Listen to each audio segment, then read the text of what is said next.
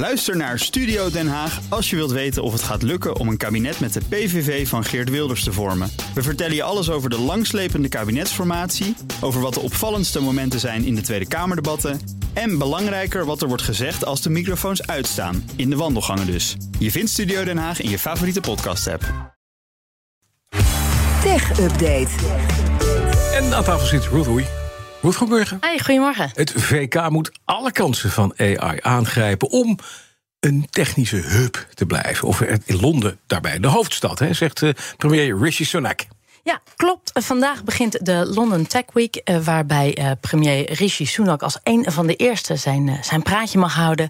Nou, hij vindt dat Groot-Brittannië sneller moet handelen om een tech-hoofdstad te blijven. En wil die aanwezige techleiders aansporen om die kansen en uitdagingen van kunstmatige intelligentie echt aan te grijpen en echt ook wat sneller te handelen. Deze visie komt niet geheel als een verrassing, maar dat wisten we. Uh, zijn ontmoeting vorige week met de Amerikaanse president Joe Biden werd het onderwerp artificial intelligence natuurlijk ook uitgebreid besproken. Mhm. Ze voelen de hete adem van de EU en Amerika in zijn nek en wil natuurlijk niet achterblijven of nog erger, de positie volledig verliezen.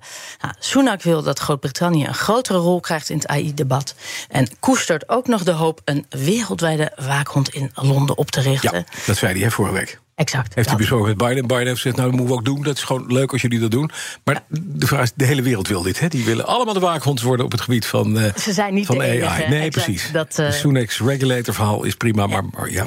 maar moet hij wel een beetje doorgaan, hè? Moet je nou, wel, exact. En daarom komt dit natuurlijk ook heel mooi. Je sluit dit prachtig aan dat ze juist vandaag dat hij zijn praatje mag houden. En er is al wat uitgelekt van zijn speech. Ja. Zo gaat hij zeggen, we moeten handelen, snel handelen. Niet alleen als we onze positie als een van de werelds technische hoofdsteden willen behouden.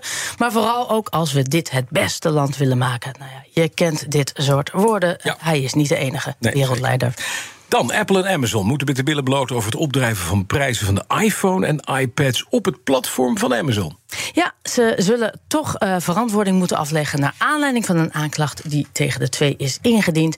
Zo oordeelde een federale rechter uit het Amerikaanse Seattle. Nou, ze worden aangeklaagd wegen het kunstmatig opdrijven van de prijzen van iPhones en iPads op het platform van Amazon. Mm-hmm. Uh, nou, ze werden vorig jaar al aangeklaagd door consumenten uit de Verenigde Staten. die na januari 2019 een iPhone of iPad kochten op Amazon. en ineens heel veel meer geld kwijt waren dan daarvoor.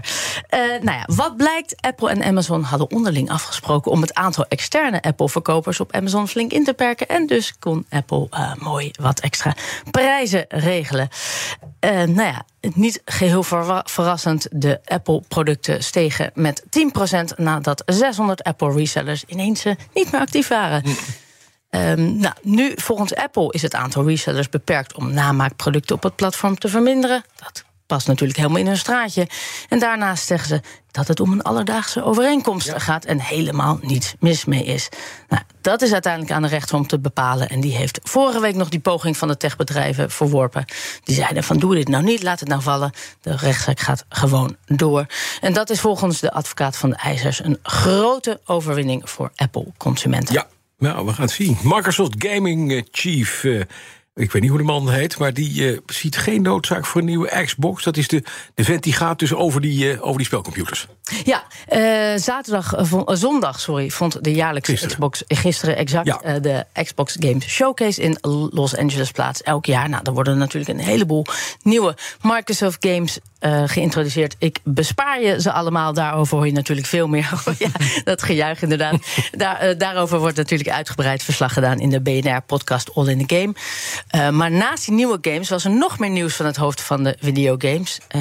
En maar dan vooral over wat er niet komt. Namelijk een grote upgrade van zijn Xbox-spelcomputer.